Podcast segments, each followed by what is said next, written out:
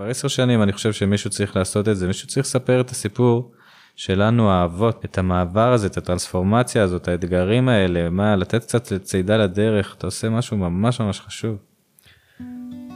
והפעם ברבע לאבא נערכת שחר ארז. לשיחה לשנה הראשונה שמעטים מדברים עליה באופן כזה כנה, בשביל להכיר באמת את מה שעובר עלינו בפנים ולפעמים נשאר עמוק בתוך הלב או עמוק בתוך הבית. הוא הגדיר את זה תאונת משאית. מעניין איך אתם מגדירים את זה. מתרגש? כן. עכשיו כן. כן. אז אנחנו ברבע לאבא, ואני יושב פה עם עוד אבא, כן. אבא לשלוש, כן. שלושה. שלושה. אז אתה רוצה להציג את עצמך? בשמחה, אה, קוראים לי שחר, שחר ארז, אה, אני בן 47, נשוי לג'ודי קרוב ל-18 שנה, אבא לפלג בן 11 וחצי, מעיין בת 7 וחצי ונורי בן שנה ושמונה. אני גם מטפל זוגי ומשפחתי מוסמך, אבל זה לא העיקר פה הערב. אולי. אולי, נראה, אולי תפתיע אותי. אני מאוד uh, שמח על השיחה הזאת, מאז שנולד לי הבן הבכור, אני חושב שמישהו צריך לעשות את הפרויקט הזה. יס. למה? בוא נקפוץ כבר כזה ישר, למה אתה חושב שהפרויקט הזה חשוב? כי המעבר להורות היה הטרנספורמציה הכי גדולה בחיים שלי. כל החיים אני עושה סדנאות וטיפולים, ואני בעצמי מעביר סדנאות וטיפולים, ומדבר על טרנספורמציות כל היום, וזה מתגמד לעומת הטרנספורמציה של להפוך להיות אבא. וטרנספורמציה היא לא דבר קל. לי השנה הראשונה באבהות הייתה שנה קשה בחיי, קראתי לה תאונת משאית. וחוויתי שאף אחד לא מדבר על זה. שהייתי שואל אבות, מה, איך, ה... איך היה להיות אבא? וואי, מדהים, וזה, איזה שמחה זה, ואני הייתי אומר להם, וואו, לי מה זה קשה? ו- ומפרט קצת, ופתאום הם היו מספרים כמה קשה להם. אבל עד שלא פתחתי, הם רק היו מספרים על החדווה שבלהחזיק את התינוק, ואיזה אושר זה, וכאילו, fuck, בואנה, זה קשה, למה אנחנו לא מדברים על זה, הגברים הקשוחים, ה... אז אה, ממש חשבתי שכדאי שמישהו ידבר על זה ושיהיו על זה ספרים ו- ועוד עוד אה, מידע. אני חושב, אתה אומר את מה שאתה אומר, ועולה לי הדבר הפשוט ביותר, כמו ששואל בן אדם מה שלומך. אני אגיד לך, וואלה אחי, הכל בסדר, הכל דבש. כן. מה אתה יכול להגיד לי יותר מזה? וואלה, אני עייף. אתה צריך לחלוב לפעמים גבר בשביל ככה להגיע למקום עמוק יותר. כן. ואני ואתה מכירים גם משיבה, ומה שאני אוהב בשיבה זה את ה... לא את זה, שאין את זה. שאני פוגש גבר וישר צוללים לאמת. כן. ובתקופה שנולד לי הבכור, גרתי בכלל בארצות הברית. ובאנו לבקר והגענו לשיבה, ושם קרה הסיפור שהרגע סיפרתי, ששאלתי גבר בשיבה איך זה, והוא סיפר שהכל דבש, ואז אני, לא, אני בשיבה, אני מספר ישר את העמק, ופתאום הוא נפתח. הבנתי את רמות ההכחשה, הדחקה, הסתרה, לא יודע מה, לא יודע איך לקרוא לזה בדיוק, זה ממש הפריע לי. לי היה ממש חסר חברים לחלוק איתם, גרתי באמריקה, זו מדינה מאוד לא קהילתית, מאוד כולם עצמאים שם, ובודדים, המחיר של זה זה בדידות. אז זהו, אנחנו תכף נצלול ל, לרגע של הלידה, לסיפור הלידה. אבל uh, לפני זה ככה, אולי בשביל להתחיל לתת איזה אקספוזיציה לרגע הזה, כמה זמן גרתם בארצות הברית? מה... אז בעצם כשפלג נולד היינו שנתיים וקצת בארצות הברית. Mm-hmm. אחרי שתי הפלות, זה גם חשוב וואו, לציין. אחרי שתי הפלות בארצות הברית. כן, טבעיות. Uh-huh. בשבועות המוקדמים כאלה, אבל גם זה משהו שצריך לדבר עליו, שלא מדברים עליו מספיק, על האבל של הפלה טבעית. וואלה, יש שם אבל גדול. כמה זמן אתה וג'ודי ביחד בזמן הזה לפני, ה... לפני ההיריון הזה של פלג? שש שנים בערך. אתם שש שנים ביחד, מגיעים שנתיים וחצי לפני זה לארצות הברית? כן. והלידה, כאילו, היינו נכנסים להיריון עוד קודם אם לא היינו עוברים, אבל בגלל שידענו שאנחנו עוברים קצת התעכבנו, ואז שם די מהר נכנסנו לזה, ואז הייתה הפלה ראשונה, ולקח עוד כמה חודשים להיריון השני, והפלה שנייה, ועוד כמה חודשים להיריון ש... שהצליח בסופו של דבר. וכל שבוע, סופרים שבועות הרי בהיריון, mm-hmm. כל שבוע היינו נותנים כיף, וואלה, הצלחנו. כאילו זה כבר לא מובן מאליו אחרי שתי הפלות, זה ממש לא מובן מאליו כן. שההיריון תופס. אז זה היה חלק מה... מהאתגר כזה של ההיריון, כאילו וואו, אנחנו עושים את זה. היינו נותנים כיף ככה. מה עוד בקונטקסט? אני למדתי, עברנו לארה"ב כי למדתי תואר שני בפסיכותרפיה אינטגרלית. Mm-hmm.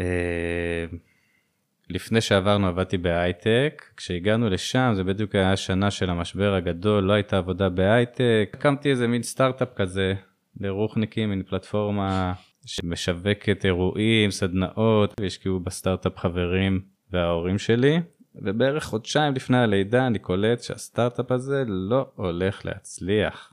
ואני הולך להיוולד לי ילד עוד חודשיים ואני ברגע של אדם קדמון של ה provider שצריך לספק פה פרנסה צריך לצוד ממוטות וכרגע הממוטות לא אני לא מצליח לצוד אותם וצריך לסגור את העסק ולחפש עבודה אחרת.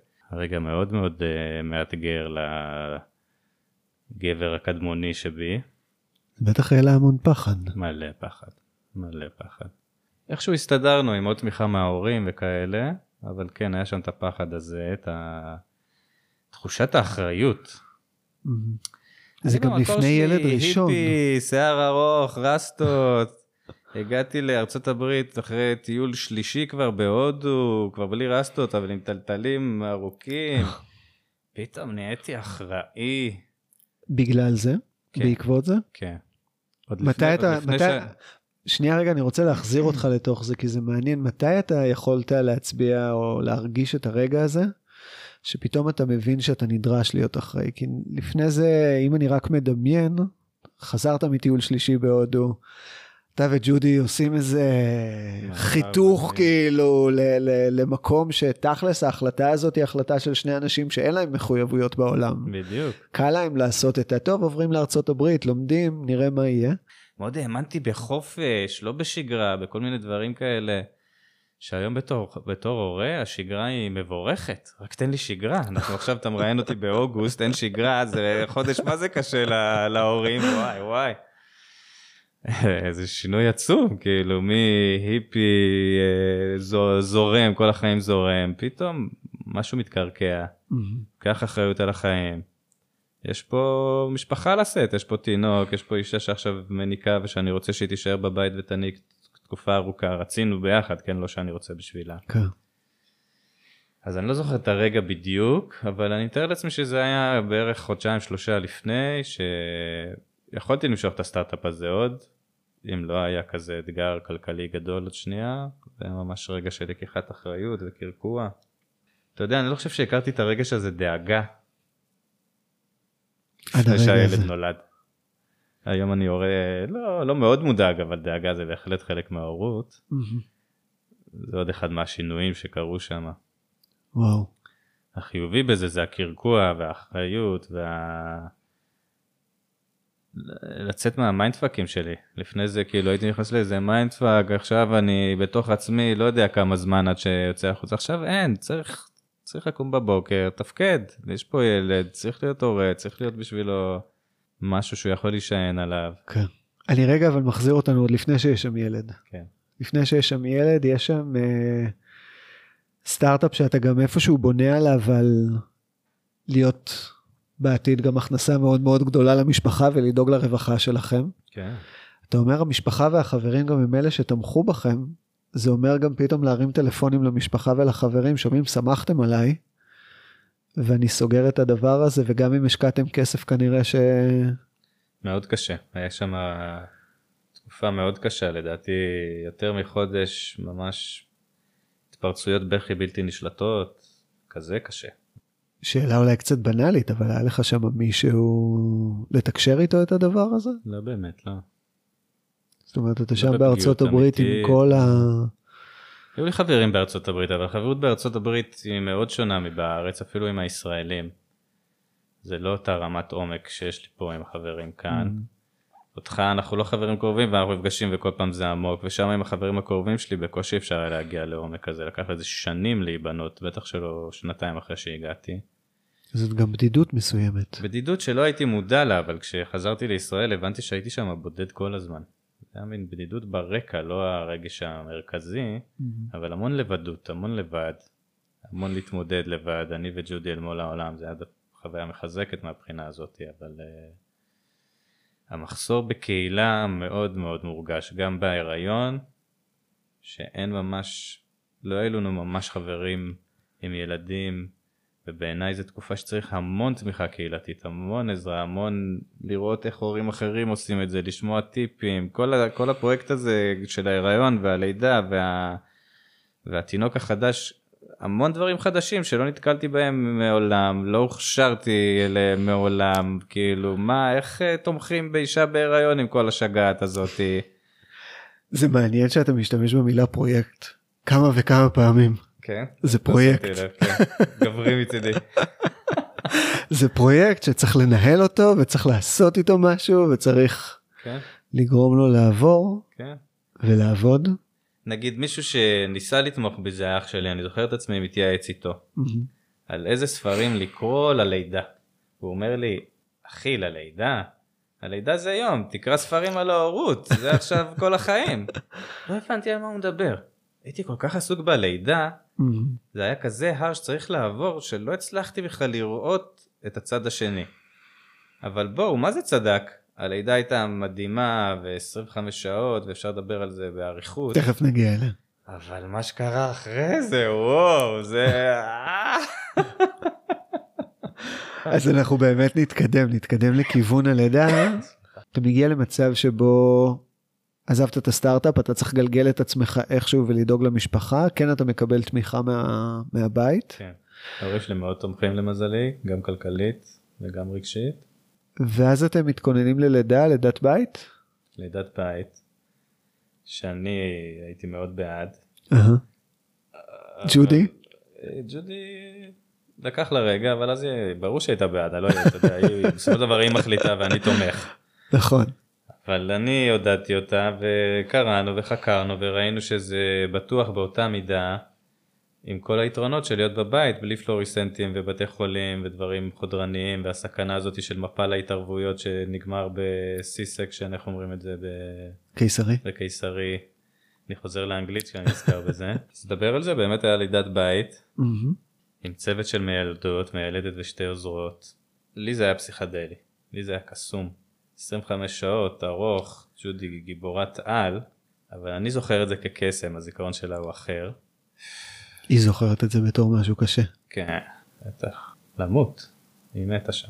וואו. זה היה רגע, כאילו, שומע שזה נפוץ אצל נשים, שרגע לפני שהוא יוצא, יש רגע של מוות, פחד מוות, של אני הולכת למות, ואז אני משחררת, ואז הוא יוצא. אתה היית שם לקבל אותו. יש תמונות שלי עם היד על הפרצוף, לא מאמין שאכן יוצא פה ילד מהגוף שלה ברגע זה. וואו. ממש וואו, מטורף. ואז הוא נולד ואפילו לקח לה כמה שניות להרים אותו ולי זה כבר היה קשה. אז אמרתי משהו, אז המילד אמרה לי אז תרים אתה, אז אני בעצם הרמתי אותו ראשון. וואי, ממש מתרגש עכשיו. זה רגע מרגש. וואו, ממש. אז uh, אני הרמתי אותו ראשון, אבל מיד נתתי אותו לה, והוא טיפס עליה וענק וכל הדברים המהממים האלה. ואז אה, הנחנו לנו במיטה שלנו עם התינוקי החדש כמה שעות, והמיילדת מנקה את הבית ודואגת לנו תוך כדי שירות מדהים. אבל לאט לאט מתברר שהנשימה שלו לא נרגעת, תינוקות נולדים עם נשימה מאוד מהירה כי הם מתאמצים בעצמם מאוד בלידה. והנשימה שלו לא נרגעת, והיא נותנת לו בלוני חמצן והנשימה לא נרגעת ואז היא באה אלינו בערך חמש שעות אחרי הלידה ואומרת לנו, תשמעו צריך לקחת אותו לבית חולים. אני מתחיל לבכות. וג'ודי ג'ודי אחרי לידה של 25 שעות היא בכלל לא מבינה מה קורה בממד אחר היא אומרת אוקיי כאילו היא בכלל לא מבינה היא מגיבה לא ממקום נוכח היא עדיין תחת קוקטייל ההורמונים. מאוד מאוד מאוד מאוד. בלי הפידורה בלי כלום לידת בית כן כן. אבל קוקטייל ההורמונים הוא מאוד מאוד חזק. ואז אה, וואו קשה לי. ואז אה, מגיע בארצות הברית ה... אין מגן דוד אדום האמבולנס הוא בעצם של ה-fire department של הכבאים ובנוהל שלהם הם יחד עם הפרמדיקים מביאים אה, משאית כיבוי כי בדרך כלל זה בא ביחד שריפה וזה יש להם נוהל כזה הם אמריקאים הכל מאוד מסודר אז ברחוב הקטן שלנו בברקלי מגיעה משאית גדולה של פרמדיקים ומשאית עצומה של כיבוי אש. ונכנס פרמדיק, שתי מטר גובה, שפם, כבאי, כן? שתי מטר גובה, שפם, קעקועים על הידיים. מחזיק את התינוק שלי שהרגע נולד, הכף יד שלו בגודל של התינוק. הוא obviously לא יודע מה לעשות עם התינוק הזה, זה גדול עליו. המיילדת מתחילה לנהל אותו, נוסעים לבית חולים, מגיעים לבית חולים, עד לפני רגע אנחנו כאלה תמימים, לידת בית אתה מתלבט אם לתת לו ויטמין K כי זה דקירה, אנחנו לא רוצים לדקור את הרך שהרגע נולד. מגיעים לבית חולים, אינפוזיה ביד אחת, אנטיביוטיקה ביד השנייה, עוד איזה משהו ברגל, כולו מחובר לכבלים וכאלה, לא כבלים, איך זה נקרא? זונדות. Uh-huh. מאוד מאוד מפחיד, מאוד מאוד לבד. המיילדת אלופה נשארה איתי עד לרגע שלא היה צריך להחליט החלטות. נשארה איתי כמה שעות שם אחרי שהיא בעצמה כבר 25 שעות איתנו. אה, ואז התברר שזה לא באמת בעיה קשה אבל עדיין היינו בטיפול נמרץ אה, של תינוקות שהרגע נולדו מקום מאוד מזעזע. הוא דווקא בריא וערני האחיות לא ראו מעולם תינוק כזה ערני שלא קיבל אפידורל. היה חסר לו מלחים בדם אז היינו צריכים יומיים שהוא ישתה כדי שהוא יתאזן אבל לא באמת הייתה מאיזשהו רגע לא הבנו, הייתה סכנת חיים מאיזשהו רגע הבנו שכבר אין סכנת חיים. אבל עדיין אני לבד עם תינוק שהרגע נולד. ג'ודי קרועה מהלידה הזאת היא מגיעה פה ושם להניק וחוזרת לנוח. אין כל כך חברים. זוג חברים אחד שהיה חברים חדשים כאלה הגיע להיות איתי וכזה באתי לפרוק ולספר מה קורה והם נבהלו מהרגש שלי וסתמו אותו עכשיו הכל בסדר עכשיו הכל בסדר.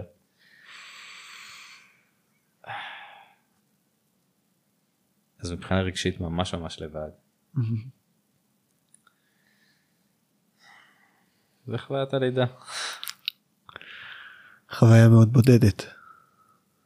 אה, כאילו יש את הלידה שהייתה מהממת ממש לא בודדת בכלל אה, היינו. הטים שלכם הביחד כן, הזה שלכם בתוך אבל אז הבית חולים 48 לבד בחדר טיפול נמרץ ישן ליד התינוק ב- בישיבה על כיסא. בכלל עם תינוק אני לא יודע מה לעשות עם תינוק כאילו איפה האמא שלו היא אמור, לא שהיא יודעת אבל כאילו היא אמורה לדעת עלק היא אמורה לדעת באופן טבעי. כן. מסביב תינוקות מאוד מאוד פגועים. הכל ממש מפחיד. המון בכי, המון... ממש מפחיד. זה מעניין הכניסה הזאת לעולם, אתה מתאר משהו שהוא כניסה גם שלך לתוך עולם האבהות באופן הזה, וגם של פלג קצת לכניסה הזאת לעולם, כאילו כניסה של מאמץ מאוד גדול להיכנס פנימה לעולם הזה, ואז כשהמאמץ הזה מסתיים, מתחילה בהלה מאוד גדולה. כאילו, לחשוב על זה שאחת הידיים הראשונות שהוא היה בתוכן, הם של, של בן אדם של שני מטר גובה ויד, כף יד ענקית, ואחרי זה להיות מחובר ממש לצינורות, איזה פתיחת מסע זאת. וגם עבורך כאבא, להיכנס לתוך הסצנריו הזה מהמקום המאוד, אני מכיר את זה מתוך הזדהות, אני מכיר את הסיפור, המקום המאוד פסטורלי הזה של בית, שבטח אני יכול רק לדמיין לעצמי, הוכן כל כך הרבה זמן, ודאגתם שיהיה, וש... הכל מושלם כזה, כן. ופתאום אה, כאילו הרחם אתה יודע הבית היה ממש הרחם זה היה חלק ממה ש... אני ממש זוכר את ה... קשה לי להעביר את זה במילים אז אני אומר פסיכדליה אבל כאילו האוויר התת.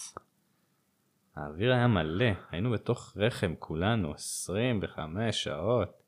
ציר כל אני לא זוכר איך זה פועל כל שלוש דקות ציר של דקה כל חמש דקות ציר, ציר של דקה משהו כזה כאילו, כן וואו וואו מה היא עברה שם. אני איתה תומך אבל היא עוברת את זה. אבל קסום, מבחינתי היה קסום. כן. טראח, פלורסנטים, רופאים, לא כולם אוהדים לידת בית. חלקם כן, זה ברקלי, זה מקום מאוד מתקדם, אבל כמה, הרופאה הראשונה לא. קבלת הפנים הייתה עם רופאה קצת אנטי למזלי, הייתה איתי את המיילדת הזאת שפשוט ניהלה את הכל, זה היה מדהים לראות את זה, מזל. אבל אז היא הולכת, וכן, 48 שעות שם, יושב ליד מיטת תינוק על כיסא. מותש בעצמי אחרי הלידה הזאת, לא כמו ג'ודי, אבל כן. מותש. ומה, השיקוף הזה שהבאת עכשיו ממש הביא אותי לבכי. כי מה? באסה, ממש איחלתי לו. משהו יותר חלק ו... בכניסה לעולם. כן, ממש הכנו כל מה שצריך, ואז כאילו אלוהים מחליט, אני יודע, אבל זה עדיין ממש מצער. Mm-hmm. וזה גם קצת אה, משחזר את אה, טראומת הלידה שלי. עכשיו, כאילו לא קלטתי את זה עד עכשיו, עד הרעיון הזה ממש. אבל אני נכנסתי, אני גם נולדתי באמריקה למשפחה שהייתה ממש לבד. וואלה. אני ילד שני, היה לי אח גדול בן שלוש שהתמודד עם סרטן. Mm. ההורים שלי היו לבד באמריקה עם הם תינוק בן טסו שנה. לשם בשביל לטפל בו? לא, טסו לשם כי הם היו שליחים של הסוכנות והוא נולד שנה אחרי שהם היו שם. מהמם. ולא יודע, לא סליחה, הוא נולד חודש אחרי שהם הגיעו לשם ושנה אחרי התגלה לו סרטן ומסכנים בואנה. עם כל הכבוד לטראומה הקטנה שלי, כאילו הם התמודדו עם תינוק עם סרטן, זה מטורף, ואני נולד לתוך המצב הזה כמה שנים של אה, התמודדות, אני נותח, נולד לתוך זה, עם משפחה שבעצם מתמודדת עם פחד מוות, וואו. לא מעובד, לא מדובר. יש קווי דמיון. אני חוזר רגע אליך לסיפור הלידה שלך, אתה נולדת בעצם לאימא חרדה בזמן הזה. הריון שהוא בחרדה. בית מלא חרדה או פחד לא מעובד, כן. וואו. עשיתי פעם איזה מין אה, מסע כזה, אה, איך קוראים לזה, אני לא יודע, מין מסע כמו פסיכדלי בלי חומרים, אבל כאילו חוויתי את חוויית הלידה, ואיך שנולדתי, חטפתי מין מועקה על החזה, שאני חושב שזה הפחד הזה שהיה שם, ועד היום אני נושא אותו באיזשהו אופן. אה, אחי לא נראה לי, אבל אני נושא אותו באיזשהו אופן. אני רק יכול לדמיין לעצמי גם את ההורים שלך שכבר שנתיים בעצם ברגע שאתה נולד אם אני לא טועה שנתיים שהם כבר מתמודדים עם הפחד מוות הזה עם ה... מטורף. אני מניח רק את המאבקים אמא שנפטרה מסרטן אני מכיר את זה קצת את המאבקים האלה על החיים ואת הציפייה ואת התקווה ואת הפחד לתקווה ו...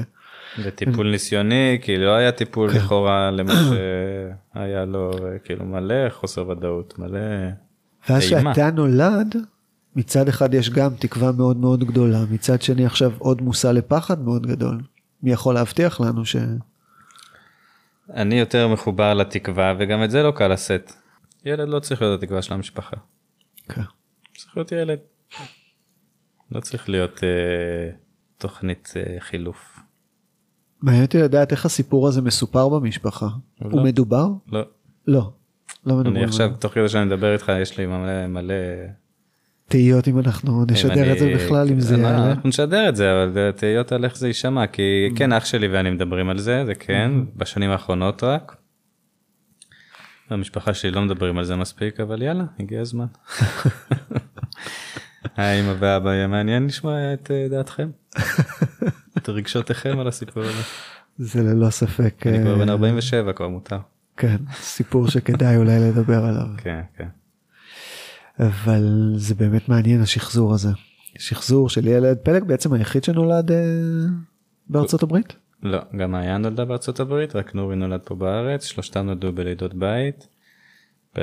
מעיין ונורי נולדו תוך פחות משעתיים. לידת בזק, וואלה. במים. מקסים.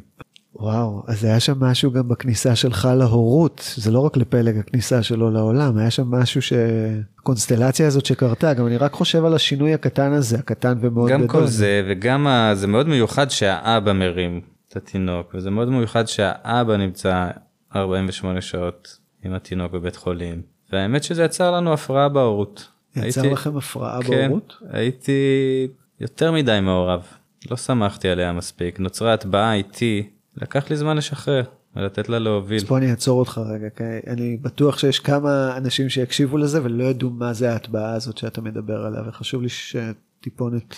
אה, אני לא מומחה להטבעות, אבל זה מין מושג כזה מעולם החי, שהכי זה הכי מצחיק עם ברווזים, שהדמות הראשונה שברווז רואה היא נהיית אימא שלו, אז אם הוא לא רואה את אימא שלו הוא מאמץ אימא אחרת. ובאיזושהי מידה זה קיים גם אצל בני אדם. אני, מה שהתכוונתי כרגע בהטבעה זה איזשהו קשר מאוד חזק, מאוד מיוחד שהיה לי עם פלג, ואני חושב שבשנה הראשונה יצר מאבקים סמויים כאלה ביני לבין ג'ודי על מי פה יותר יודע, מי פה מוביל את זה יותר. עם השנים שחררתי את זה והיא ההורה היותר מוביל, אני הורה מאוד מעורב אבל היא, היא יותר מובילה את ההורות. אבל זה לקח כמה שנים. זה גם אני חושב חלק מהאתגרים למ- למעבר להורות זה התפקידים ואנחנו מנסים להיות הגבר החדש וההורים החדשים ולהיות יותר שוויוניים אבל מה זה אומר להיות שוויוני בכלל במאה ה-21 ו... ועדיין כאילו מי פה מפרנס מי לא זה, זה לא שאני חושב שההורות ההטרונורמטיבית היא הנכונה אבל בגלל שהיא הנורמטיבית יותר קלה. ובמקרה לי ולג'ודי התאימה רוב ההורות, אבל בשנה, שנים הראשונות היה שם איזה בין משא ומתן למאבק, ורגע טוב זה היה משא ומתן, אבל היו יותר רגעים לא טובים. מי לוקח איזה תפקיד? כן, לא ידענו לדבר את כל זה, זה דברים שאני יודע היום לדבר 11 שנים אחרי, כן. לא ידעתי להגיד את כל זה אז. לא ידעתי להגיד שאני לא סומך עליה, לא ידעתי להגיד שאני במאבק איתה, לקח לי שנים להכיר בזה, להבין מה היה שם. וואו. ואני, ואני חושב שזה בעיקר קשור ליומיים האלה איתו שם עם פלג שנהייתי מין הורה אחראי מאוד גם חרד כי בדיעבד גם אני מבין שהיה שם מימד של טראומה כל הלבד הזה והחוסר אונים והפחד מוות זה מרכיבים של טראומה. אתה גם תיארת פה יותר מפעם אחת את החוויה שלך מעצם המקום. לא רק הפלורסנטים. ממש כמעט חוויה של מוות, התינוקות האלה הם על, על סף מוות. על סף מוות ממש על סף מוות. ואתה זה זה שנמצא. שם כרגע עם התינוק שרק כרגע החזקת אותו ביד, כן. על אותו מצב של סף מוות, ואתה רוצה לדעת שאתה לא כמו שאר התינוקות האלה. כן. וזה חדר גדול ואני לא זוכר ממנו כלום. אני הייתי בתוך, לא, לא הסכמתי להסתכל על התינוקות האחרים, זה היה מפחיד מדי. זה, עוד, זה דברים שאני רק עכשיו מזהה, אבל uh, כל מה שאני זוכר זה אותי ואת ההריסה שלו, ואת האחיות המלאכיות, באמת הצוות הכי טוב בבית חולים שנמצא שם. אבל הכל מסביב אני רואה אפלה, אני שומע, זה לא תיאור של המציאות באמת, אבל אני שומע זעקות ורואה שחור. המקום הוא קצת פחות מפחיד, אבל זה הזיכרון הרגשי שאני, שנשאר לי משם. קשה להיזכר בזה. וואו. קודם כל תודה שאתה משתף את זה. כי אני חושב שבאמת יש לדבר הזה ערך אדיר. לך כמה שנים לקח רגע להסתכל אחורה על החוויה הזאת ולזהות אותה כחוויה. באיזשהו אופן התחלתי לה... כאילו, כן, כל הזמן זיהיתי שהשנה הראשונה היא מאוד קשה, וזיהי... והאמת שלא הבנתי עד כמה היה קשה הבית חולים. אני חושב שהבנתי את זה רק ארבע שנים אחרי זה, קצת לפני שמעיין נולדה, לא הצלחתי להירגע. אני, מי שמכיר אותי, אני אלוף בלהירגע, אני עושה מדיטציה כל יום, זה ממש אחד הסופר פאוור שלי לחזור לוויסות. לא הצלחתי להירגע. והיינו בטיפול זוגי אז או משהו, לא זוכר, ודיברתי על זה, ותוך כדי שאני מדבר אני מזהה שאני בהייפר ויג'נס, בעוררות יתר, שהיא סימפטום מרכזי של טראומה. והמטפלת הייתה מהממת ועשתה איתי איזה מין טיפול בטראומה כזה, והשתחרר, ו- וחלק כזה שוחרר, והצלחתי להירגע אחרי זה, אבל ההכרה הזאת שכל הלבדות הזאת והפחד מוות והסיטואציה ממש היו לי טראומטיים והכניסו אותי לאיזה מצב של עוררות יתר שנמשך שנים, בטח שבשנה הראשונה שגם ככה מלאה בחרדה, ואנחנו לבד שמה ואין תמיכה ומתמודדים עם כל הסיפור הזה, זה אנחנו וגוגל. not your best friend, לא, לא מומלץ. הוא נתן גם טיפים טובים, אבל אתה יודע, עדיף בן אדם שאומר לך, שחר, הכל בסדר, אתה יודע, אנחנו מווסתים אחד את השני, בני אדם, ו... ולא היה לי על מי להישען מהבחינה הזאת. אז היה את המימד הזה של הפוסט טראומה, ואת המימד הזה של ההטבעה שנהייתי יותר מדי מעורב, ואת המימד של ההורות הראשונה שמביאה איתה מלא חרדה, ואת המימד של אין מספיק צמיחה. קשה ממש, קשה ממש. וואו. ותוך כדי מפרנס ועושה תואר. תוך כדי השנה הראשונה והלאה. תפקד, כאילו צריך כן. פה לתפקד, קם בבוקר הולך לצוד ממוטות, כזה. ובלילה לא הכי ישן כי הוא יונק ובוכה ו... זהו, אתה אמרת מקודם משהו שאוטומטית שלח אותי לרגעים האלה בלילה של ההתעוררות. כי אותה חוויה טראומטית של, אני גם מדמיין את הסיטואציה הזאת בבית חולים, בעצם אתה נותן את האמון שלך באנשים אחרים שידאגו לתינוק שלך, זה קצת מזכיר באמת חוויות טראומטיות שבהם אתה לא אחראי ל, ליציאה שלך מהחוויה המאוד מאוד מאיימת הזאת, זאת אומרת, אתה כלוא איפשהו בחוסר עשייה ורק באיזה סוג של תגובתיות למשהו שיקרה. כלוא ואומרים לי 48 שעות עד שהמדדים שלו עולים. אני זוכר את עצמי מתקשר לג'וד, לג'ודי, אומר לה, תשמעי, אנחנו חייבים להכיל, להכיל אותו, הוא חייב שהמדדים יעלו, אני נותן לו מטרנה. לא נתנו לו מטרנה מעולם, לא התכוונו לתת לו מטרנה כן. מעולם, ואני לא חושב שנתנו לו מטרנה אחר כך אי פעם. אבל עכשיו אני פה בשדה קרב, ואנחנו יוצאים מהשדה קרב הזה, אז נותנים מטרנה. אבל התחושה היא שדה קרב, מלחמה, כאילו יש פה את ה... כן, הכ- הכ- הכלוב הזה שצריך לצאת ממנו, כי אנחנו רוצים לחזור הביתה, לבית הרחם המהמם הזה, לקן המהמם הזה שהכנו, לא לפלוריסנטים וה... אני מנסה להחזיק אותו, קיצור, כן, לא לחוויה הקשה הזאתי. כן. ואמרת לסמוך, לא סמכתי עליהם. אני דווקא זוכר את עצמי, כל רופא מתקרב ואני לא זז מהילד, לא סומך עליהם. לקח לי זמן לסמוך עליהם. כן. כאילו, באתי עם תפיסות כאלה ש- שהיום נרגעו, אבל אז מאוד לא שמחתי על הממסד. היום אני יודע שיש רופאים טובים, ושרופאים הם אכפתיים, אבל הייתי עם התפיסות האלטרנטיביות שלי, שחשבתי שלא ידעתי שהם הם איתם, אז הכל מאוד ערני, מאוד משגיח, מה את עושה, תסבירי לי מה את עושה. ישראלים, אמריקאי, קצת רב איתם, מדבר בחוצפה יחסית לאמריקאים, כאילו לא מדברים ככה בגסות. כן. מתוך הלחץ שלי, כן, היה, היה קרב. ארבע שנים אחרי זה מעיין הולדת, בבית. כן. מה עובר עליך בזמן הזה? אחרי בלידה? החוויה ההיא, כן. רגע, אני ישר מקפיץ אותך לתוך הלידה כי... האמת שמהמם, זה ממש עוזר לי, תודה, כי זה ממש אוהב אותי. כי... אז יש ילד בן ארבע בבית, אגב, הוא נוכח בלידה? אז זהו, מעניין. ילד בן ארבע בבית, אה, הכנו חברה שתבוא לקחת אותו, זה היה חמש לפנות בוקר כזה קראנו לה, אני מכין אותו בשביל לצאת, היא מגיעה, המיילדת קוראת לי מלמטה, היינו בבית כזה עם מדרגות. "אה, שחר, יומיים, שחר אתה רוצה לבוא כי עוד רגע יולדת, מה יולדת? לפני שעה וחצי התחלנו, מה קורה פה? אני רגיל ללידות 25 שעות, כאילו. מוצ... אה, מוציא את הילד עם החברה, שומע אותם הולכים בחוץ, נכנס לבריכה, הראש של הילדה בחוץ. אני רואה את השפתיים שלה, עד היום יש לי את התמונה הזאת, היא יוצאת מה... וואו. יוצאת מג'ודי ואני רואה את השפתיים שלה, כאילו רק נכנסתי ללידה והיא נגמרה. הילדה יוצאת. וואו, אני לא זוכר, אבל נדמה לי שאני תפסתי אותה בתוך הבריכה. וואי, זה באסה שאני לא זוכר, אני זוכר את השפתיים שלה, זוכר אותה מסתכלת עליי. זה. רגע מהמם. קל, מהיר, פשוט, מפתיע.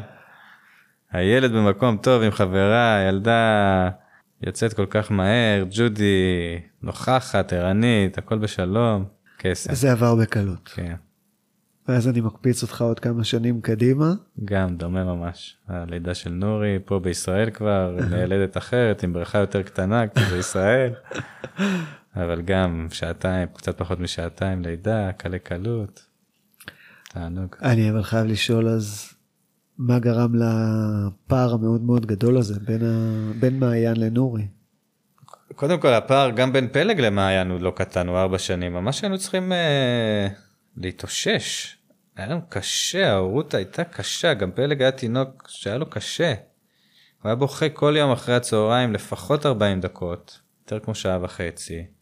הרדמה מהירה הייתה 40 דקות, יותר כמו שעה וחצי, מעניין שאני נדבק לזמנים האלה, לא יודע למה. אבל הוא היה תינוק שהיה מאתגר לגדל. משום מה זה כאילו, שמעתי את הדבר הזה כבר יותר מפעם אחת, את החוויה הזאת, כן. של תינוק שבוכה אחר הצהריים, הרדמות של שעה וחצי. כן, מתעורר בלילה, לא היה לו מוצץ, קצת כי אנחנו לא התעקשנו מספיק, עם השניים האחרים התעקשנו על המוצץ, והיום בתור הורה אני אומר תודה על המוצץ הזה, אז הייתי כזה אידיאליסט, מוצץ, זה סותם לו את הפה, כל מיני שטויות.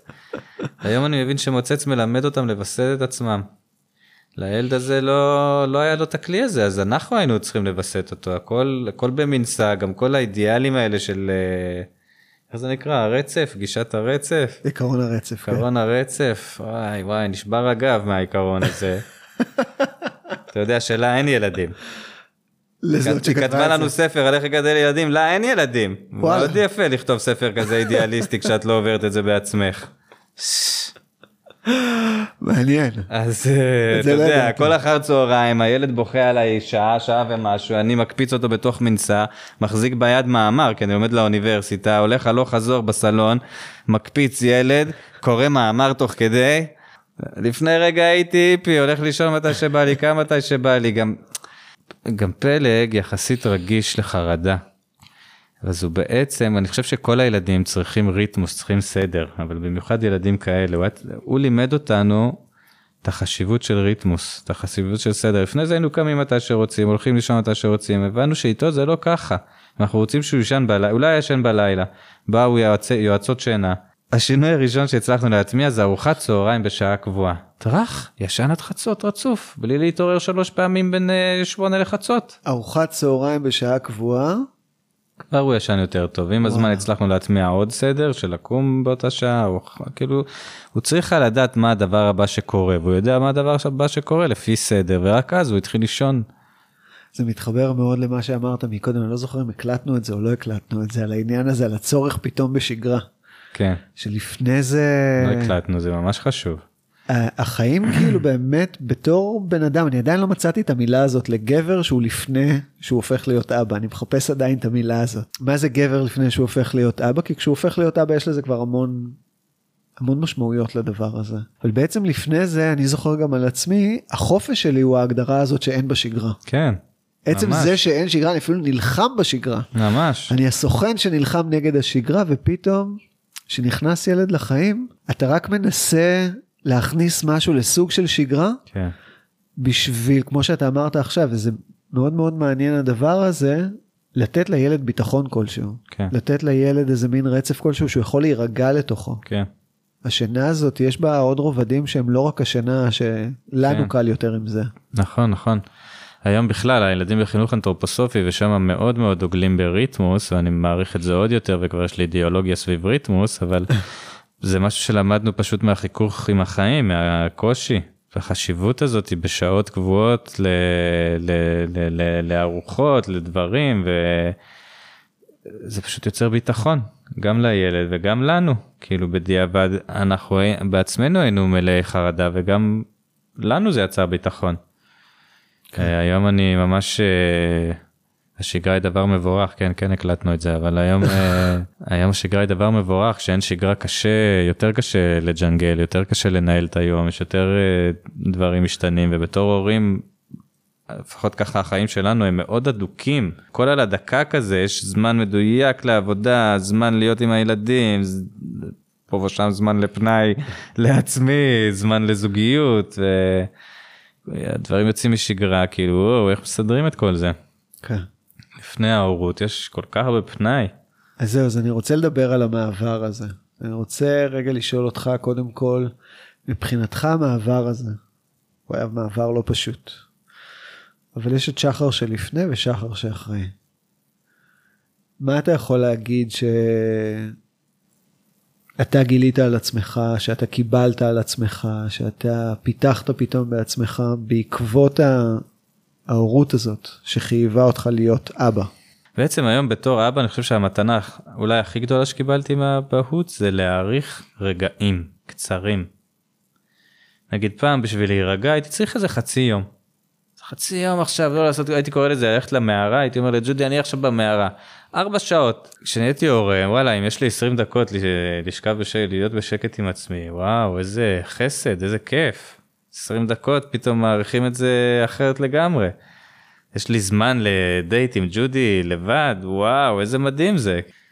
אה, אתמול אה, חזרתי לארוחת צהריים חזרתי מהקליניקה לארוחת צהריים בבית והיה איזה רגע כזה שישבנו רגע שנהיה כזה שישבתי על הספה וג'ודי באה וישבה לידי וחיבקתי אותה ואז בא ילד אחד מצד אחד וילד שני מצד אה, ילדה שנייה מצד שני ותינוקי באמצע וכולי מתמלא באושר מהרגע הכי יומיומי שהמשפחה יושבת ביחד וחמודה ואף אחד לא רב וכאילו כאילו לי פה בבליס מטורף מהיומיומיות. זה בעיניי מתנה מטורפת כי החיים מלאי יופי ואני לא חושב שראיתי אותו מספיק לפני ההורות.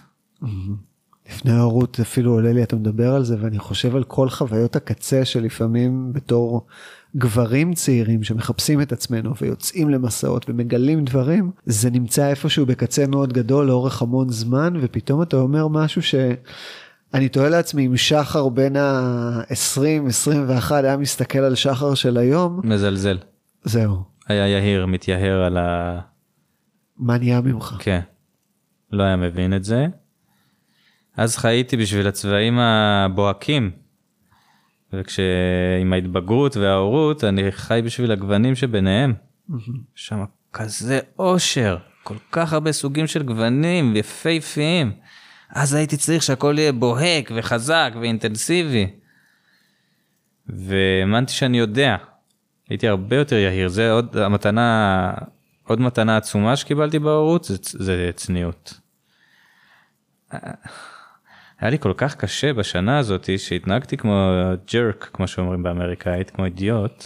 השנה הייתי- הראשונה של ההורות. כן, הייתי גס רוח פתאום, בצורה שלא הכרתי את עצמי, כי, כי היה לי קשה, והיה לי עייף, ולא, ו- ולא הצלחתי להכיל כלום. והייתי מתנהג בצורה גסת רוח שמאוד לא מותאמת לקליפורניה, לברקלי, ששם סופר אדיבים. ואני זוכר את עצמי מבין, וואלה, בגלל זה בני אדם מתנהגים ככה, כי קשה להם.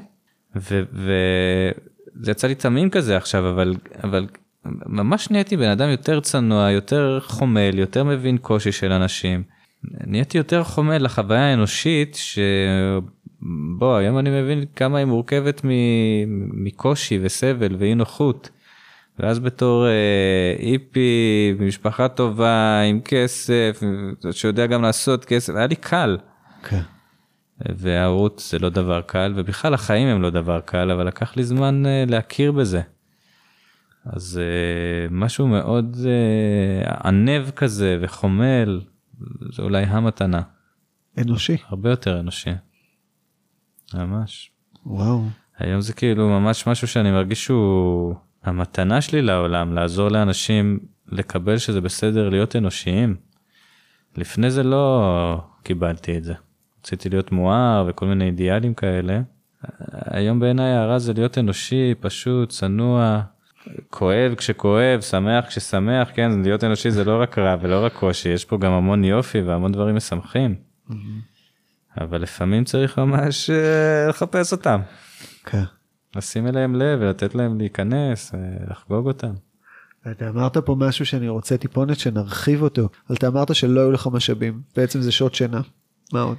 אני רוצה רגע להרחיב את התמונה אם זה בסדר שניונת ללמד רגע על מה אני מתכוון במשאבים בכלל. בתפיסה שלי יש לנו איזה מין חלון הכלה חלון סבלנות חלון שבתוכו כשמערכת העצבים שלי היא בתוכו אז אני בטוב שלי אני יכול אה, להבין אחרים להיות יצירתי בחיבור עם בני אדם. וכשאני יוצא מהחלון הזה אני נכנס למצב של מתח של עוררות יתר של סוג של קרב החיים נהיים קרב הישרדות. החלון הזה הגודל שלו גדל וקטן לפי המשאבים. משאבים זה אם ישנתי טוב אם אני לא אם אני רעב אין לי משאבים אם אני עייף אין לי משאבים. אם מישהו חייך אליי ברחוב זה זה משאב זה זה מגדיל את היכולת שלי להרגיש טוב. אם השמש מחייכת אליי זה מרגיש את היכולת שלי להרגיש טוב. יש המון המון משאבים אישיים זוגיים משפחתיים בין אישיים המון המון המון. חלקם בשליטתנו וחלקם לא. עכשיו נחזור לשאלה שלך תשאל את זה עוד פעם רגע. אז אני עכשיו אחרי שתיארת את זה, מה היית אומר לשחר של אחרי אותם 48 שעות לא פשוטות בבית חולים לגבי המשאבים, מה היית מציע לו שיכול לעזור לו איפשהו בשנה הראשונה הזאת? בני אדם, חברים ומשפחה. בעיניי היום זה הדבר הכי תומך. זה מנרמל, זה מלמד כשצריך, זה נותן תמיכה כשצריך. יש כל כך הרבה חוויות חדשות עם תינוק שנולד. אתה מרגיש שהבנת, אוקיי, איך מגדלים אותו עכשיו, והופ, הוא משתנה. כל שבוע, כל יום לפעמים. עד שאתה מבין כבר משהו, הוא משתנה. עד שאתה לומד איך להרדים אותו, זה כבר לא פועל יותר. עד שאתה לומד איך, אה, לא יודע מה, להחליף לו, הוא מפתח דרך חדשה להיאבק בך. ניסיון של אחרים מאוד מאוד תומך, אפילו שהם לא ההורים שלו והם לא בהכרח יודעים עליו, הם חוו הרבה, בני אדם אחרים חוו חוויות הוריות שאפשר ללמוד מהם המון. ואפשר לקבל פרופורציות, כי לפעמים ברגעי, ההורות מאוד מפגישה בעיניי עם, עם חוסר אונים. וזה רגע שלא קל, בייחוד לגברים, בייחוד לגברים ישראלים, לא קל עם, עם חוסר אונים. ויש משהו בלבוא ול... ולספר לאחרים מה קורה ולקבל תמיכה שמחזיר אונים, מחזיר מסוגלות. אז המשאב העיקרי שאני חושב שהיה חסר לי ושלדעתי בכלל חסר אפילו פה בישראל המאוד מאוד קהילתית, זה יותר להיעזר בחברים, יותר uh, לבטא כמה קשה, יותר לבקש עצות, יותר לספר על קשיים. אז אני אגיד את זה בעצם מה שאני שומע ואני מביא את זה גם מתוך זה שאולי לא אמרתי את זה קודם אבל למדתי אצלך mm-hmm. מאוד מעריך את זה. ואחד הדברים שאני מאוד מאוד uh, גם משתמש בהם בקליניקה ואתה אומר את זה בעצם פה זה להסכים להיות פגיעים גם עם האנשים הקרובים אלינו כי שם יכול דווקא דרך הפגיעות הזאת אנחנו יכולים לקבל משאבים של תמיכה של כן. הזדהות של אמפתיה של רצון אפילו לצאת מגדרם בשביל לתמוך בנו ברגעים האלה. כן כן כן. מעצם הפגיעות שלנו. יש משהו מקסים בתור אחד שגר בארצות הברית תקופה אני חושב שיש משהו מקסים בישראל אני גם גר בפרדס חנה אז אולי זה קהילתי בצורה יוצאת דופן אבל אפילו לא צריך להיות מאוד פגיעים פה בשביל לקבל עזרה גם יש הבנה כזאת של הקהילה שזוג שהרגע נולד לו תינוק צריך עזרה והופה קהילה נגיד עכשיו שנורי נולד לפני כמעט שנתיים כמה תמיכה קיבלנו? הייתי בדמעות באופן יומיומי. אנשים באים מביאים אוכל נכנסים לוקחים את הכביסה מהמכונת כביסה מקפלים אותה שמים בארון. וואו! מה זה העזרה הזאת? בלי שהייתי צריך לבקש אפילו לא הייתי צריך להיות פגיע. אבל ויחד עם זאת כן להיות גם פגיע עם חברים טובים שאפשר להגיד להם וואי קשה לי כל ההורים מכירים את זה. כן. אף אחד לא ישפוט אותך על זה שקשה לך אם, אם זה מישהו ששופט אותך אז עזוב אותך הוא לא כזה חבר טוב. אבל למצוא את החברים שאפשר להגיד להם וואו קשה לי לא ישנתי בלילה. האישה שלי וואו יש לי מלא מה להגיד על האישה שלי אבל קשה לי עם האישה שלי אה, אישה עוברת את האתגרים שלה כאילו לדבר על זה. כן. להעיז להביא את הקושי שלנו וזה מגייס תמיכה בצורה הרבה יותר יעילה. ואין, משפחה גרעינית לגדל ילדים זה לא מספיק משאבים. זה ממש נדיר שזה עובר בקלות. יש פה ושם אנשים שזה קל להם, ברי מזל, הלוואי שזה יהיה ככה לעוד אנשים. לרוב הגדול של בני אדם זה קשה, אז כשאנחנו באים ומודים בזה מיד מקבלים תמיכה שאנחנו ראויים לה, מגיע לנו. וזה גם מחזיר אותי למה שאחיך אמר לך, שהוא מאוד מאוד נכון. כן. דבר הזה שעזוב, הלידה כאילו כן. היא משמעותית. היא מאוד משמעותית אבל... רגע משמעותי, אבל, אבל, רגע. אבל כן, הדבר המשמעותי שתתמודד איתו זה השנה הקרובה, שנה וחצי, השנתיים. כן. ה... בוא נדבר רגע על ה... אני חושב שאחד האובדנים, כאילו קושי מאוד גדול שלא דיברתי עליו עד עכשיו, זה האובדן של החברות עם אשתי. וואו. זה, זה, זה הקושי שהייתי הכי מודע לו אונליין ברגע גם. היא אשתי החברה הכי טובה שלי עדיין החברה הכי טובה שלי אבל ברגע זה שנהיינו הורים היא, היא עברה שינוי מאוד מהותי ופתאום היה יצור אחר לא אני שהיא דאגה לו יותר. הכל מובן הכל מוצדק לא היה לי ביקורת על זה מעולם ועדיין חוויתי שם אובדן מאוד גדול שלא היה לו מקום בגלל המוצדקות. בגלל שברור שהיא תהיה עכשיו עם, עם, עם התינוק וברור שהיא תדאג לו וברור שהיא לא ישנה בלילה אז היא קמה בבוקר והיא עייפה וזועפת וגם לוקח כמה חודשים טובים המפל של ההורמונים וההנקה זה זה כמה חודשים קשים שהיא ממש באיזושהי מידה היא מקריבה את עצמה החלב שאימהות נותנות הוא עשוי מהדם שלהם. היא נותנת את הדם שלה בשביל הילד הזה. אז היא לא כל כך נחמדה הרבה מהזמן. לפני, עד לפני רגע היינו רווקים צעירים חמודים עם מלא זמן ופנאי ופתאום אנחנו לא חמודים. וגם אני אמרתי הייתי ג'ר כן זה לא רק בגללה. והחברות מאוד מאוד נפגעת. וזה אובדן, לי הוא היה אובדן עצום. ולא מדובר אף אחד לא לא שמעתי אף אחד מדבר על זה. לפניי. אתם, אני תוהה לעצמי, אתה אומר פה משהו שלי הוא גם נוגע בנקודה מאוד מאוד כואבת בחוויה הקודמת שלי עם אשתי לשעבר, שאנחנו לא היינו חברים כל כך טובים לפני זה, היינו זמן מאוד קצר ביחד, לפני שהילדה נולדה, היינו חודשיים ביחד ואז היא נכנסה להיריון. אבל מאחרי שהיא נכנסה להיריון, ובטח אחרי שהיא ילדה, פתאום קרה שם משהו שאני מאוד מתחבר למה שאתה אומר, אני ירדתי בשרשרת המזון. זאת אומרת, האנרגיה, יש שם דבר קטן שמקבל את מלוא האנרגיה, את סך כל האנרגיה שיש בבית. כן. יש את בת הזוג שלי שהיא מעניקה ישירות לתוך הדבר הקטן הזה והמדהים והחמוד, אבל את כל האנרגיה שלה. אני צריך להעניק אנרגיה לשתיהם. זאת אומרת, אני גם יוצא החוצה מהבית ואני חוזר הביתה ואני מעניק את האנרגיה לשתיהם. מה שקורה, אבל ומאוד הזדהיתי עם מה שאתה ומי אומר תומך עכשיו. בך? רגע, זה ממש חשוב מה שאמרת עכשיו. אבל זהו. זה ו- לא מדובר. ואז, אבל בת הזוג שלי מאוד חמודה ואוהבת את הדבר הקטן הזה, אבל את הרפש שלה שקשה לה לשאת אותו, היום אני יכול להסתכל, לשבת ולהגיד כן זה הגיוני וזה ברור, אבל בעצם אני הופך להיות המושא, כי אני המושא האנושי היחיד שנמצא שם בבית להתמודדות עם כל הקשיים הנפשיים שלה והרגשיים שלה. וזה הגיוני וברור ובלתי נסבל. לגמרי.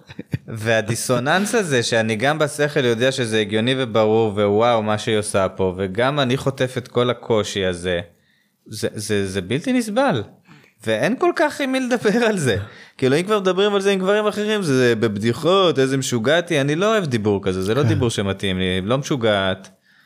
כן היא משוגעת אבל היא לא משוגעת לא, אני לא אוהב את הדיבור הזה אני צריך דיבור יותר אמיתי ולא לא, לא היה לי מספיק מזה. כן. אני חושב שעדיין הדבר הזה, אנחנו מדברים על זה כאן, ואני תוהה לעצמי, מי שיקשיב לזה, איפה הוא מוצא את החברים האלה שהוא יוכל לדבר איתם באמת, שזה לא יהפוך להיות בדיחה.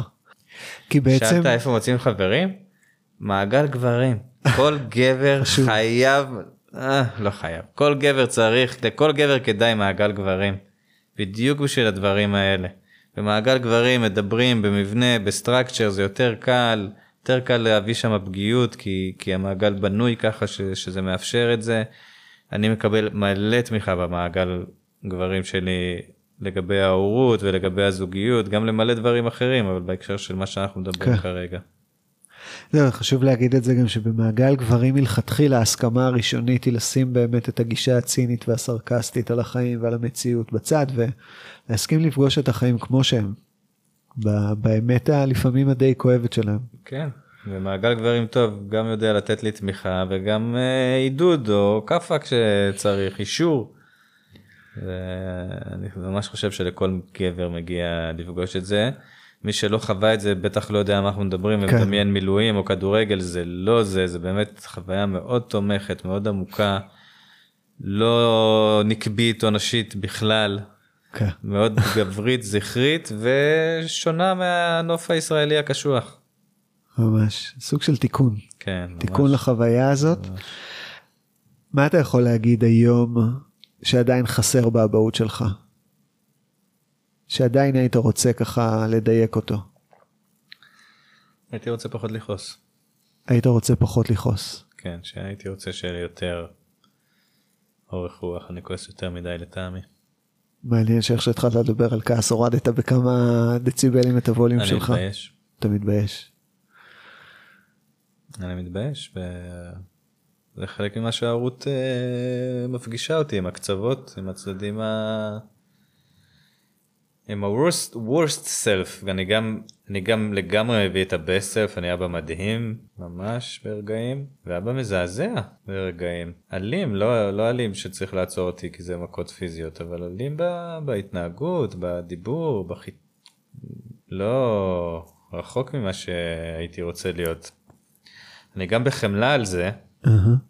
אני גם בחמלה על זה ומבין שזה חלק מהחיים ומהקשר וכאלה, אבל הייתי רוצה, אתה יודע, אם היה לי יותר כסף והייתי יכול לעבוד פחות ולהיות פחות בהישרדות והיה לי יותר רווחה נפשית, הייתי מצליח להכיל אותם יותר. מתי אני כועס עליהם בדרך כלל? זה בדרך כלל בסוף היום. שכולם עייפים, אני עייף, הם acting out את העייפות שלהם. הרבה פעמים בסוף היום אני עוד צריך לחזור לעבודה אחרי זה, וזה יושב עליי. רק זה שאני צריך לפתוח מחשב, לעשות עוד איזה משהו קטן, אני קולט שזה יושב עליי, ואז אני קצר רוח.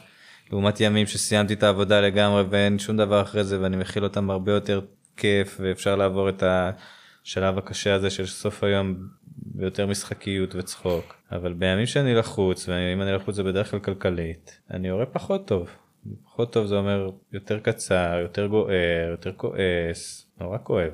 וואו. השבוע, השבוע ממש זיהיתי צד שבי שמנסה להפחיד את הילדה שלי כדי שהיא תתנהג כמו שאני רוצה. זה נורא, אני אומר את זה עכשיו, אני פה... שניסית להפחיד אותה. כן, כאילו המקור הסמכותי הזה שאת צריכה להקשיב לי, בת שבע, בגיל שבע יש איזו התעוררות מאוד לא קלה. והוא חווה את זה. ופתאום הילדה המתוקה הזאת שתמיד ידעה לזרום כמו מים ופתאום היא אומרת לי לא והיא נוקשה ואני צועק עליה והיא עושה לי פרצוף בחזרה מה זה ואז כל הפרימיטיבה מה זה מה זה את לא מקשיבה לי ומנסה לחנך אותה ולגעור בה ומה זה בעצם אני מנסה להפחיד אותה כדי שתתנהג כמו שאני רוצה. כן. הכי הפוך לאידיאל שלי שרוצה שהיא תתנהג כמו שהיא רוצה, כן, בתוך החברה, בהתאם ל... בהתאם לאיזה שהם guidelines, לא יודע, צריך לחשוב על זה קצת, אבל אה, בטח שלא, בטח שלא לכבד אותי מתוך פחד, ממש לא. אגב, אתה חווית את זה בתור ילד? חינוך מתוך פחד? כל כך לא. לא. ההורים שלי, אני די זכיתי בהורים שלי, הם די מתאימים לימינו. וואלה. הם הורים מתקדמים. אני רואה המון כמה שאבא שלי הוא מאוד שונה ממני אני מטפל. רגיש רגשני ברעיון הזה בכיתי איזה פעמיים כאילו. אני רואה היום איך את הדברים הטובים שלי בהורות את רובם למדתי ממנו. אני חושב שקיבלתי המון ביטחון ממנו תמיד אני יודע שיש לי גב שמה שאני לא צריך אם אני צריך משהו אם אני נתקע בקצה העולם. לא יודע, אפילו אין לי הוכחה כזאת לזה בראש, אבל זה איזה מין ידיעה עמוקה, ביטחון מאוד עמוק, שהוא שם בשבילי. תשמע, אתה תיארת מקודם סיטואציה שבה אתה פותח סטארט-אפ בצד השני של העולם והוא תומך בזה. ממש, וגם במעבר לצד השני של העולם, ו- ובכלל בלהגשים את החלומות שלי, אני עזבתי משרה בהייטק בשביל להפוך להיות מטפל.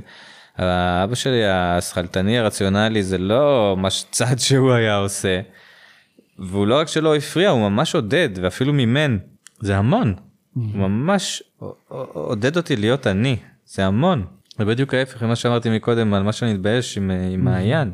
כי אני רוצה לעודד אותה להיות היא, לא לפחד ממני ולהיות ילדה טובה. זה ממש לא מה שאני מאחל לה. ואני חושב שאתה לא רק את האידיאל גם ממש ברגעים טובים אני כזה אבא וזה מאוד קיבלתי ממנו וגם מאמא שלי גם אמא שלי מאוד מאוד תומכת בחלומות של הילדים שלה זה לא רק הוא הם, הם ביחד הם צוות טוב. זה קטע מעניין כי אני קלטתי עד עכשיו אנחנו לא רואים אותנו אבל אתה מדבר מאוד אליי. כשאמרת את זה התחלת להגיד את זה אמרת את זה ממש למיקרופון כאילו חשוב לך שהוא ישמע את הדבר הזה.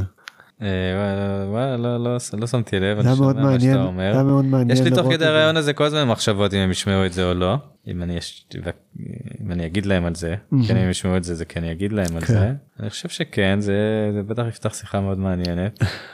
אני בסך הכל מאוד מעריך אותם כהורים יש לי גם אה, ביקורת יש לי גם דברים שאני חושב שאני הורה יותר טוב אני חושב שככה זה צריך להיות שאני מקווה שהילדים שלי גם יהיו הורים יותר טובים ממני. אני חושב שההורים שלי הצליחו בחיים אם אני קצת יותר טוב מהם ואני מאחל לעצמי שהילדים שלי יהיו קצת יותר טובים ממני. כן. ובאמת בתור הורה אני צנוע וחומל ויודע שאין הורה מושלם ולהיות הורה טוב דיו זה וואו זה המון. אז הורות טובה נותנת את, ה... נותנת את שניהם נותנת את הביטחון הזה שיש לך אה, עיר מקלט כזאת עם חוף מבטחים כזה וגם את הביטחון שאתה מסוגל ואנחנו יודעים שאתה מסוגל ואנחנו מעודדים אותך לצאת ולהתמודד עם החיים. אנחנו נסיים ב... אני בדרך כלל מסיים את מה שאני עושה בתודה. וזאת איזה פינה שתהפוך להיות בפודקאסט הזה. אה, אז זה הכרת תודה. אז יש את הדברים שציינתי מקודם, אני מאוד אומר תודה על הרגעים הקטנים שאני יודע ליהנות מהם. ואני מאוד אומר תודה על הקרקוע הזה ולקחת את עצמי ברצינות שזה הביא. ואני אתן עכשיו עוד זווית של להיות role model, להיות מודל לדוגמה, שנותן לי מוטיבציה עוד יותר להיות הגרסה העוד יותר טובה של עצמי, כי יש פה שלושה ילדים שמסתכלים ומעתיקים. אנחנו הכי הרבה לומדים מחיקוי. זה מאתגר אותי להיות עוד יותר עני, עוד יותר טוב, עוד יותר חומל. כאילו, בלי זה לא יודע מה הייתי. נווד שחושב שהוא חופשי אבל הוא בעצם אה, עלה נידף ומפחד להתחייב ומפחד אה, שיראו אותו בעולם באמת. יש משהו ב... בקרקוע הזה בידיעה הזאת שיש פה שלוש נשמות שממש חשובות לי שמסתכלות עליי מאוד שגורם לי להופיע בעולם to show up mm. וכאילו בשביל מה באנו לגלגול הזה אם לא בשביל להשתתף אם לא בשביל להופיע, to show up. Mm. הנטייה הטבעי שלי היא לא, לא להשתתף, היא להתחבא במערה. וככה, אני עדיין מתחבא פה ושם במערה, אני צריך את זה בשביל להתרענן, אבל אני הרבה יותר מתחכך בחיים ומעז לדבר בפודקאסטים, ללמד, לטפל, להיות, להיפגש, להתחכך. זה סופר משמעותי, וזה לא היה קורה מעצמו, אני לא חושב. אני לא חושב שזה היה קורה ככה בלי הערוץ, אני די בטוח שלא. זאת אומרת איפשהו במחויבות הזאת שהילדים מביאים איתם. כן. לא בכוח, הם פשוט הם. כן. אבל מעצם היותך והרצון שלך זה הכל בתוכי בכלל, הם כן. לא עושים כלום. עצם זה, זה, זה גורם לגבר הזה להפוך לא רק להיות גבר בעולם, אלא להיות אבא בעולם, וזה כן. משהו מאוד מאוד משמעותי, מה שאתה אומר ב, במתנה הזאת של האבהות. והוקרת תודה לחלק הזה, ואני אומר להם גם כן תודה, כאילו באמת, בתור מישהו שחווה אותך בכמה מופעים, אז ללא ספק יוצא פה משהו מאוד uh, משמעותי בעולם ובעל ערך. אז, uh, היה צריך שלושה ילדים בשביל לדחוף אותך לעשות את זה, אז אשריהם. ממש, כל ילד הביא עוד דחיפה, ממש אני רואה את זה. כל ילד הביא עוד אתגר ועוד אתגר כלכלי ועוד רגשות לשאת ועוד דברים כזה לשאת עליי אבל אבל גם התרחבות שאפשרה את כל הנסיעה הזאת והיום וואו איזה כתפיים רחבות יש לי. פש, יכול להרגיש גאה. אבא גאה. כן. וואו. אז uh, אני אסיים בזה ואני אגיד המון המון המון תודה. כאילו יש, נפתחו לי עוד מלא שאלות בדרך ואולי מתישהו נעשה איזה second round של הדבר הזה. אבל אה, אני חושב שזה היה מאוד מאוד משמעותי. תודה, בשמחה, אני, זה היה לי מאוד משמעותי, אני בהוקרה גדולה על השיחה הזאת שלנו ועל התובנות שמגיעות לי מזה וההודיות שמגיעות לי מזה. ובהוקרה מאוד גדולה על הפרויקט הזה באופן כללי, אני באמת אמרתי את זה ברצינות, מהשנה הראשונה, כבר עשר שנים אני חושב שמישהו צריך לעשות את זה, מישהו צריך לספר את הסיפור שלנו האבות את המעבר הזה, את הטרנספורמציה הזאת, האתגרים האלה, מה, לתת קצת צידה לדרך, אתה עושה משהו ממש ממש חשוב. תודה. תודה רבה. הנה עכשיו יש קטע שיפתח את הפרק הזה. יפה.